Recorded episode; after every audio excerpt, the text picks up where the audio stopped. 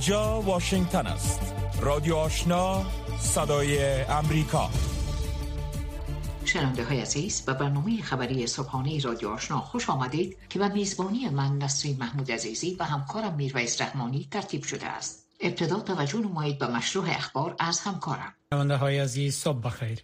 یک محکمه در هلند یک مرد افغان را به جرم جنایات جنگی و شکنجه مخالفان سیاسی در زندان پلچرخی در دهه 1980 میلادی به 12 سال حبس محکوم کرد. قضات محکمه روز پنجشنبه با صدور این حکم گفتند که این مرد 76 ساله که خود را عبدالرفیف می نامد در واقع عبدالرزاق عارف نام دارد و از سال 1983 تا 1990 فرمانده زندان پل چرخی بوده است. اما اکنون با نام جعلی عبدالرفیف در هلند زندگی می کند عبدالرفیف مدعی است که اشتباها قربانی هویت کسی دیگر شده و وکیل مدافع او گفت کانان استیناف طلب خواهند شد. رفیف در سال 2001 به هلند آمد و پناهندگی سیاسی گرفت و پس از چند سال شهروند آن کشور شد. سارنوالان محکمه گفتند که بر اساس ادعا رفیف که مسئول زندانیان سیاسی در محبس پلچرخی بود زندانیان را در شرایط غیر انسانی در زندان نگه می داشت و محافظان زیر امر وی زندانیان را لطکوب شکنجه و اعدام می کردند. مقام های هالندی گفتند که تحقیقات در مورد این افغان در سال 2012 پس از آن آغاز شد که در بلاگ های اینترنتی گزارش های نشر شد که گویا فرمانده پیشین زندان پلچرخی در هالند زندگی می کند. در جریان تحقیقات مسئولان هالندی با 25 شاهد در کشورهای مختلف مصاحبه کردند و نیز اسناد بیشمار را از منابع آزاد گردآوری کردند. در جریان محاکمه سارنوالان شاهدان را حاضر کردند که هویت رفیف را عارف معرفی کردند. یکی از قربانیان به قضات گفت که هنوز از شکنجه های روانی که در زندان متحمل شده شبها از بیخوابی رنج می‌برد. اردوی پاکستان اتهامات امران خان صدر اعظم پیشین این کشور مبنی بر دخالت امریکا در برکناریش را رد کرد. امران خان 69 ساله که برای مدت 39 سال صدر پاکستان بود ادعا کرده از اینکه او خلاف توصیه امریکا به روسیه سفر کرد واشنگتن از برکناری وی از قدرت حمایت کرد.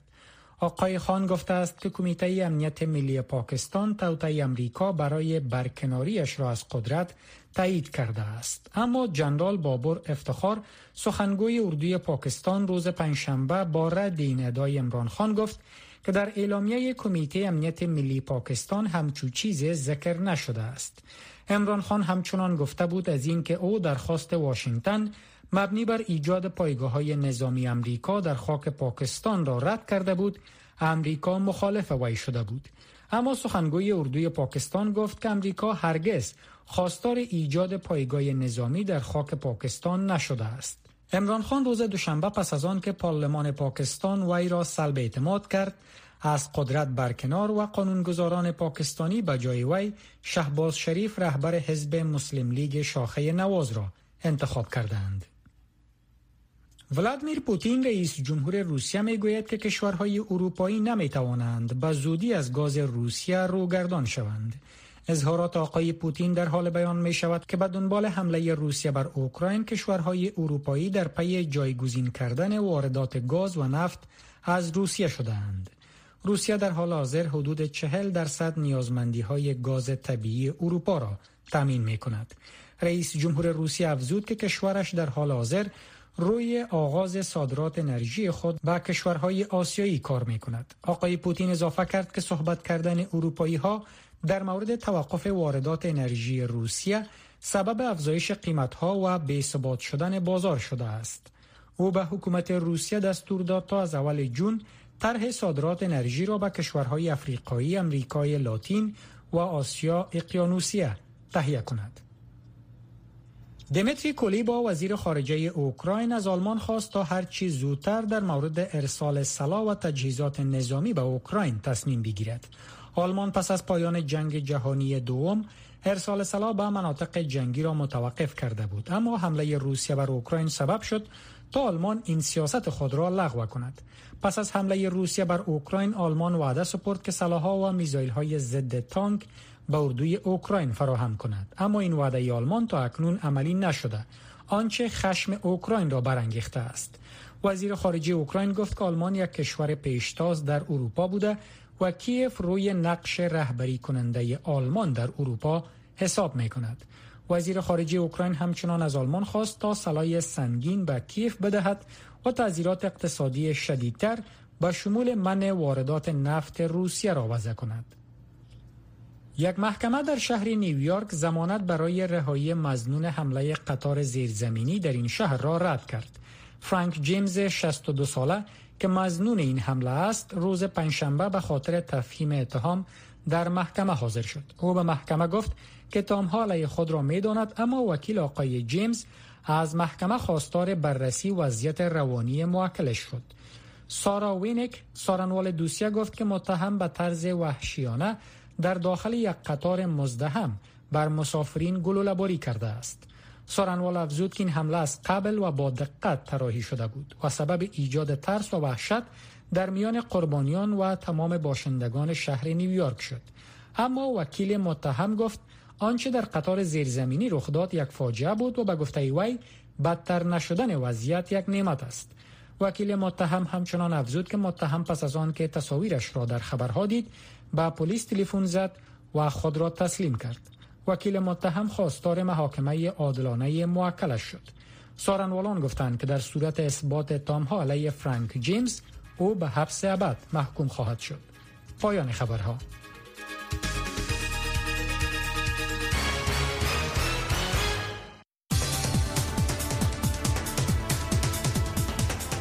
صدای امریکا در رسانه های اجتماعی حضور فعال دارد. هر روز اخبار و گزارش های جالب را از طریق فیسبوک، تویتر، تلگرام و اینستاگرام صدای امریکا دنبال کنید. نظریات شما روزانه در برنامه های مختلف و نشر می رسند. شنونده رادیو آشنا باشید. شنونده های عزیز اخبار افغانستان منطقه و جهان را از رادیو آشنا شنیدین آن توجه نمایید به گزارش های صبح امروز وزارت صحت عامه حکومت طالبان از سازمان ها و مؤسسات امدادرسان صحی خواسته است که در اماهنگی با آن وزارت فعالیت کنند این در حال است که با وجود تمویل و تجهیز هزاران شفاخانه از سوی سازمان های بین المللی هنوز هم نیازمندی های مراکز صحی به طور کامل مرفوع نشده است جزیات بیشتر را در این گزارش می شنوید. جاوید حجیر سخنگوی وزارت صحت حکومت طالبان روز پنجشنبه با فرستادن پیام ویدیویی به خبرنگاران گفت که سرپرست این وزارت به تازگی نشسته را با مسئولان سازمان جهانی صحت، کمیته بین المللی سریع سرخ، صندوق وچی کودکان ملل متحد، بخش زنان ملل متحد و سایر سازمان ها و مؤسسات کمک کننده در بخش صحت دایر کرد. آقای حجیر گفت که وزارت صحت می خواهد خدمات میاری به شهروندان افغان عرضه شود. هدف کلی همی بود که مؤسسات تطبیق کننده یا امپلمنتر هایی که این روزه با این مؤسسات در همانگی با هم دیگر اینا کار می‌کنن. بهتری است که تمام کارهایی که اینا می‌کنن در تشریک مسایی و زیر چتر وزارت صحت افغانستان صورت بگیرن تا اینکه اولویت ها درست تشخیص شود و با موقع و استندرد ما بتانیم نیازهای فعلی مردم افغانستان ما رفع بسازد بر اساس معلومات وزارت صحت 2568 مرکز صحی را در 34 ولایت سازمان جهانی صحت و صندوق وچی کودکان ملل متحد و کمیته صلیب سرخ نیز در حدود 17 شفاخانه را تمویل و تجهیز می کنند. در همین حال برخی شفاخانه هایی که تحت پوشش سازمان جهانی صحت یونسف و سایر نهادها قرار دارند به گونه کامل تمویل و تجهیز نشدند. دکتر ملالای فیضی رئیس شفاخانه ملالای در کابل با استقبال از حمایت سازمان جهانی صحت در بخش صحی به صدای امریکا گفت که اگر این کمک ها صورت نمی گرفت فاجعه انسانی رخ می‌داد و زنان و کودکان بیشترین آسیب را می‌دیدند. خانم فیضی با اشاره به اینکه شفاخانه ملالی یک شفاخانه مزدحم است و روزانه تا 200 بیمار در بخش‌های مختلف مراجعه می کنند گفت به صورت مکمل مشکلات شفاخانه رفع نشده کمبودات بعض از ادویه وجود داره کمبودات بعض از وسایل وجود داره. چون مراجعه زیاد است مشکلات زیاد است باز هم متشکر هستیم که از یک فاجعه انسانی جلوگیری, جلوگیری کردن. مگر به صورت مکمل کمبودات شفاخانه تکافو نشده است. از سوی هم تدروس ادهانم گبریسوس رئیس سازمان جهانی صحت به تازگی با انتقاد از جامعه جهانی گفته است که کشورها با تمرکز بر بحران اوکراین سایر کشورها همانند افغانستان را فراموش کردند. سخنگوی وزارت صحت نیز گفت که رئیس سازمان جهانی صحت دیرتر متوجه مشکلات و نیازمندی های صحی در افغانستان شده در حالی که حکومت طالبان طی حدود هشت ماه گذشته همواره خواستار حمایت از بخش صحی این کشور شده است. آقای هجیر گفت فعلا کمک هایی که صورت می‌گیره یا وزارت افغانستان هم تایید می‌کنند که کمک ها بسنده نیست چون در گذشته صرف کمک هایی که صورت می‌گیره 60 فیصد نیازهای جمعیت افغانستان هم مرحوم ساخت 40 فیصد دوا خرجی خدمات برشان صورت نمی‌گیره. و گفته سخنگوی وزارت صحت اکنون زمینه 100 درصدی برای عرضه خدمات صحی در سراسر افغانستان فراهم شده و از همین رو به کمک های بیشتر نیاز است. وزارت صحت در حال خواستار هماهنگی نهادهای کمک کننده صحی و کمک های بیشتر بهداشتی به افغانستان شده است که پیش از این کمیته بین‌المللی صلیب سرخ از دسترسی نداشتن میلیون ها افغان به خدمات صحی نگرانی کرده بود. این کمیته حدود دو هفته پیش گفت که با تشدید بحران بشری در این کشور هزاران مرکز صحی برای مردم بسته شده و یا فعالیت خود را متوقف کرده اند. تلویزیون آشنا دریچه شما و سوی جهان. نه تنها در صفحه تلویزیون بلکه در صفحه اختصاصی فیسبوک تلویزیون آشنا. در وبسایت دری با آدرس voanews.com دری. در یوتیوب با آدرس voa افغانستان دری. و در صفحه اینترنتی تویتر. تلویزیون آشنا در هر زمان و هر مکان پیوند دهنده شما با جهان. یک مرد افغان روز پنجشنبه توسط یک محکمه هالند به جرم آزار و شکنجه و کشتار مخالفان سیاسی در زندان پلچرخی کابل در دهه 1980 به جنایت جنگی و شکنجه به 12 سال زندان محکوم گردید. قضات گفتند که این مرد 76 ساله که خود را عبدالرفیف می نامد در واقع عبدالرزاق عارف بوده که بین سالهای 1983 و 1990 با عنوان فرمانده زندان خدمت می کرد. در این مورد توجه شما را به مصاحبه جلب می نماییم که همکارمون لیلما حبیب عظیمی با آقای احمد راتب فقیری یک تن از قربانیان شکنجه های این افراد و شاهد در محاکمه این فرمانده زندان پلچرخی کابل انجام داده است. آقای عبدالرزاق که خلاصشان اصلا عریف است ولی خود با نام جلی رفیف در حالند درخواست پناهندگی کردن در سال 2001 تانستن با ارائه اسناد جلی اینجا پناهنده شوند ولی سرانجام افشار شده. هویت اصلیشان و حکومت هالند اینا را تحت نظر داشتن.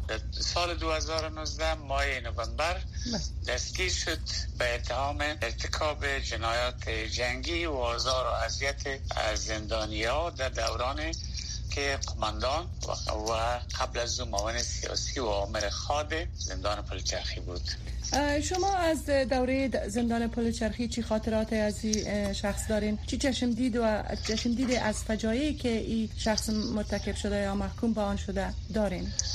در زمانی که همین شخص معاون سیاسی و عامر خاد بود در زندان پلشرخی من در بلاک اول زندانی بودم و در اونجا مشاهد ازی بودم که صدها زندانی از بلاک های دیگه آورده می‌شد بلاک اول و بعد از سه چهار روز اینا رو در یک شب تاریک از اتاقا میکشیدن خلطای سیاره به سرشان منداختن اینا رو میبردن پایین و از اونجا اینا رو در موترهایی که قبلا آماده شده بود و ما از بالا می‌دیدیم از کلکین اتاق خود در این موتر منداختن و میبردن به طرف پلیون صدها نفر ادام می‌شد فردا صبحش که ما از خواب میخیستیم می‌بینیم که موتی حویلی بلاک اول تقریبا خالی است و اعتداد بسیار کم زندانی در اونجا وجود دارد. یکی از خاطرات بعد بود. در پالی ازی لطو به زندانیا پایان بودن کیفیت غذا یک تشناب بر 250 300 نفر. تمامش شکنجه های روانی بود که در زندان پلچرخی تحت رهبری امی متهم حال محکوم شد. رهبری می‌شد انجام میافت تا چی شواهد و اسناد سقه در مورد تاییدی ازی در محکمه قرار گرفت و آیا فکر می‌کنین که دوازده سال حبس چقدر عادلانه است برای این همه جنایات شکنجه؟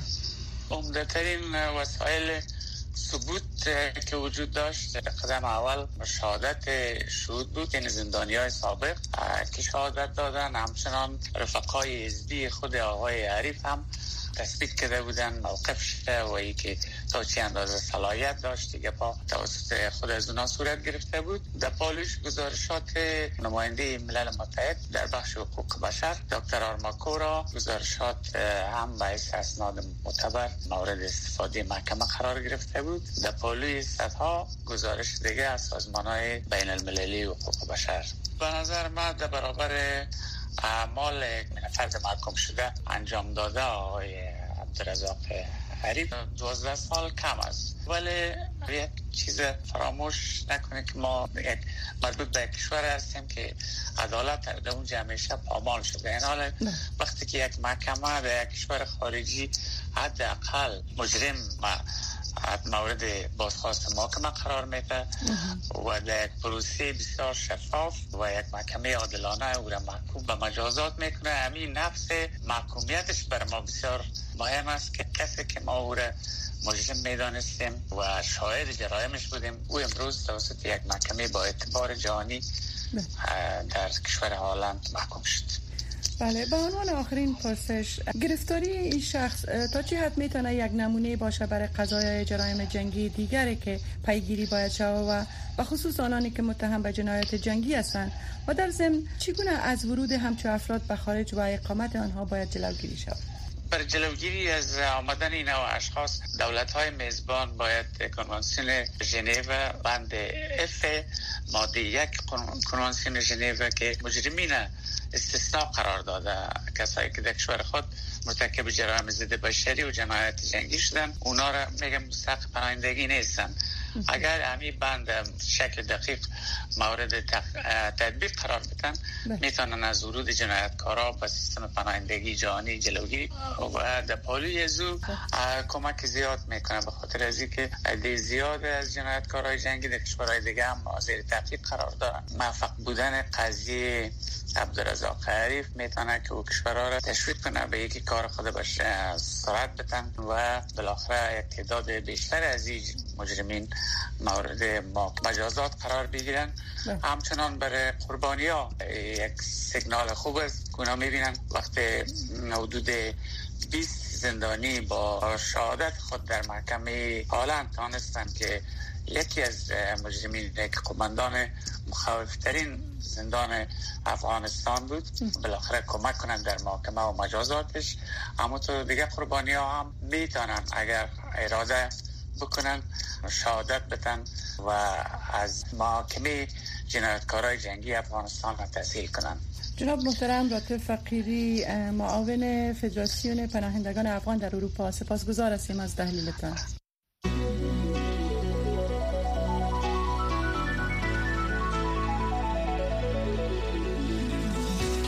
صدای امریکا در فیسبوک facebook.com slash voa دری.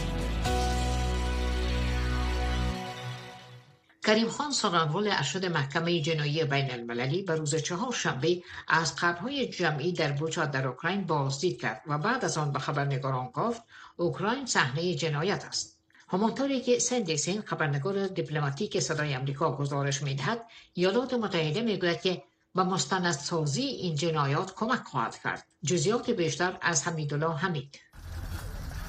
سارانوالان جرایم جنگی به روز چهارشنبه از شهر بوجا در نزدیکی پایتخت اوکراین بازدید نمودند و آنها وعده سپردند که کارشناسان طب عدلی این همه مدارک را دنبال خواهند کرد. هر فرد به طور خاص غیر نظامیان حقوق خاصی دارند. ما باید صدای آنها را بلند کنیم و باید اصرار کنیم که به حقیقت آنچه رخ داده است برسیم. قضات تصمیم خواهند گرفت که آیا مسئولیت وجود دارد یا خیر. محکمه جرایم بین المللی که در شهر لاهای هالند مستقر است تحقیقات را درباره جنایت جنگی روسیه در اوکراین آغاز کردند کریستینا کوین شازدفیر سفارت ایالات متحده در اوکراین چنین می‌گوید. جهان می‌داند که او مسئول انفجار ایزگاه قطار آهن در کراموتورسک است. او مسئول جنایات مرتکب شده در بوچا است. او مسئول ویرانی در ماریوپول است. او مسئول ویرانی خارکوف است و هیچ کس دیگر نیست که بتواند انگشت انتقاد را به سوی او نشانه نگیرد و دنیا این را می‌داند. از سوی دیگر نت پرایس سخنگوی وزارت خارجه ایالات متحده در مورد اینکه چرا ایالات متحده تحقیقات جنایت جنگی را خود در اوکراین دنبال نمی کند چنین گفت. ما در این لحظه مصروف هستیم تا با شرکای خود در سراسر جهان کار کنیم. اما در مرحله اول شرکای اوکراینی ما برای کمک با آنها در جمعوری حفظ مستندسازی و به اشتراک گذاشتن شواهد از جنایات و آثار جنایات جنگی احتمالی کمک کنند. و بله اگر با آن مرحله یعنی آسانه قانونی نسل کشی رسیده باشد ما به طور بسیار نزدیک با دفتر لوی سارانوال اوکراین کار می‌کنیم تا تیمی را تحت نظر او تشکیل داده و یک دوسیه جنایی را با توجه به تعقیب قضایی احتمالی آغاز کند. از سوی دیگر ولادیمیر زلنسکی رئیس جمهور اوکراین خواستار حضور پوتین در محکمه بین المللی شده است. همه کشورهای پیشرو جهان قبلا حمله روسیه به کراماتورسک را محکوم کردند. ما انتظار داریم که پاسخ جهانی محکمی به این جنایت جنگی داده شود. مانند قتل عام در بوچا مانند بسیاری از جنایت جنگی دیگری روسیه. حمله راکتی به کراماتورسک باید یکی از اتهامات محکمه باشد که حتما اتفاق می افتد. کارشناسان به صدای امریکا می‌گویند تا زمانی که سربازان روسیه در کشورشان باقی بمانند در آن صورت دسترسی به آنها تقریبا غیر ممکن است اما آنها گفتند که برگزاری محکمه جنایت جنگی برای شرماندن و سرزنش عاملان هنوز هم می تواند منطقی باشد اکنون برگزاری محاکمات جنایات جنگی حتی به صورت غیابی می تواند تأثیر بازدارنده در این موضوع داشته باشد. زیرا مردم رده های پایینتر ممکن است بگویند من نمی‌خواهم خودم را در برابر تعقیب بالقوه جنایت جنگی آسیب پذیر بسازم.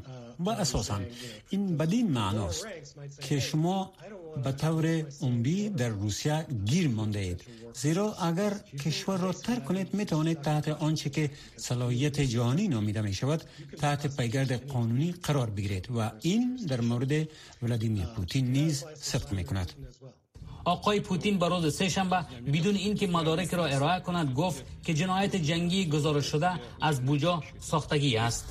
این اظهارات آقای پوتین با مدارک جمعوری شده از گروه های دستجمی و اظهارات چندین شاهد عینی در تناقض قرار دارد در حالی که مسکو با عملیات نظامی خود در اوکراین ادامه می دهد یک کمیته تحقیقات روسیه به روز پنجشنبه اعلام کرد که آنها موارد از دوسیه های جنایی را علیه سربازان اوکراینی باز خواهند کرد که در آن سربازان روسی شکنجه می گردند. صدای امریکا رادیو آشنا 100.5 اف ام.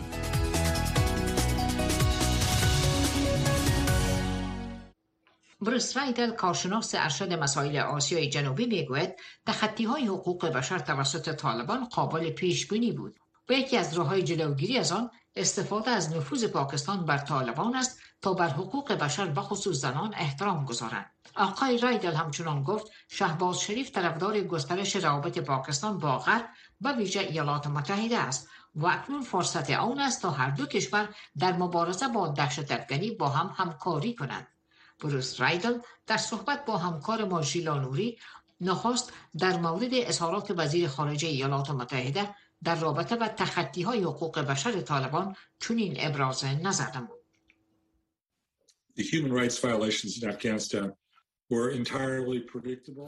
تخطی های حقوق بشر در افغانستان کاملا قابل پیش بینی بود و کسانی که به این مفکوره بودند که طالبان اصلاح شدند یا تغییر کردند در اصل به مسائل درست توجه نکردند. حکومت امریکا تصمیم مصیبت بار خروج نیروهای امریکایی و ناتو را از افغانستان گرفت.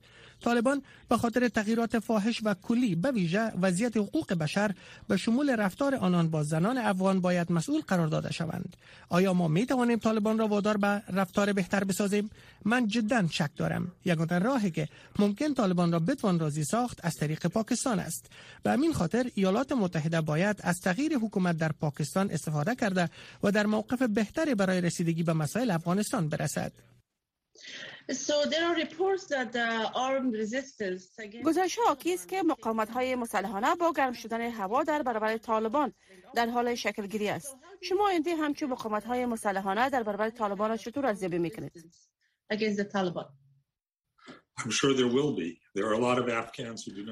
مطمئن هستم که افغان های ان که نمی‌خواهند تحت یک حکومت با طرز دید قرون وسطایی و خشن زندگی کنند. آنها کسانی هستند که ما 20 سال قبل از آنها حمایت می‌کردیم. آنها لایق حمایت ما را دارند اما کسی از آنها حمایت نمی کند هرگاه ما در منطقه پایگاه خود را نداشته باشیم و یگانه راه آن از طریق پاکستان باشد من شک دارم که پاکستان بخواهد در این قسمت همکاری کند. البته به همین دلیل مقاومت مسلحانه در برابر طالبان وجود دارد. اما آنها یک راه دراز مدت و مشقت باری را در پیش رو دارند. شماره به این باورند که اردوی پاکستان در بخش سیاست خارجی این کشور با افغانستان و هند تصمیم نهایی را می‌گیرد و از سوی دیگر احراز مقام صدارت توسط شهباز شریف در رابط کابل و اسلام آباد تغییر زیادی رونما نخواهد کرد. نظر شما در این مورد چی است؟ Of course, the Pakistani army will play a critical role.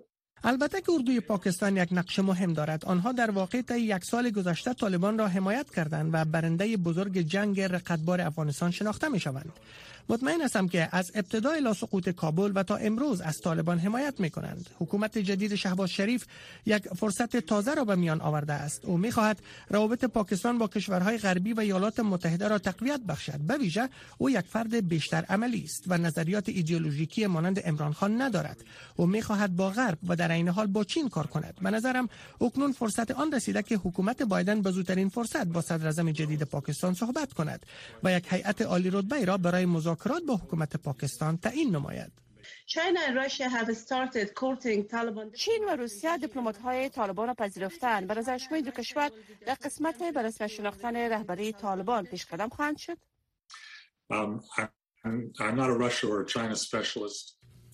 با آنکه کارشناس مسائل روسیه و چین نیستم اما می‌دانم که هر دو کشور باید درک کرده باشند که نوع حکومت طالبان در افغانستان به پایه فعالیت های افرادگرایانه مانند غرب چین و کشورهای آسیای میانه خواهد بود و هر دو کشور ممکن بخواهند که مانع این وضعیت شوند. آنها بر طالبان امتیاز دارند اما نه به اندازه که پاکستان دارد.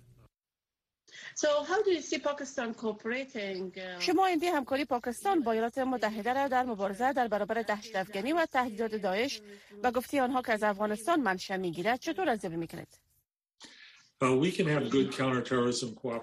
ما می توانیم روابط خوب مبارزه با دشت افغانی با پاکستان داشته باشیم. همچنان فکر نمی کنم حکومت پاکستان اجازه پایگاه نظامی امریکا را در خاک خود بدهد. اما می توانیم همکاری مشترک داشته باشیم. مهمتر این است که ما در همکاری با پاکستان بر این کشور تفوق داشته باشیم و آنها به اندازه قابل ملاحظه بر طالبان نفوذ دارند و به این ترتیب طالبان می توانند به ترغیب پاکستان برای بهبود وضعیت حقوق بشر به ویژه وضعیت زنان افغان اقدامات کنند. طالبان طالبان روابط حسنه با ایران نداشتند شما این روابط افغانستان با ایران چطور ارزیابی می‌کنید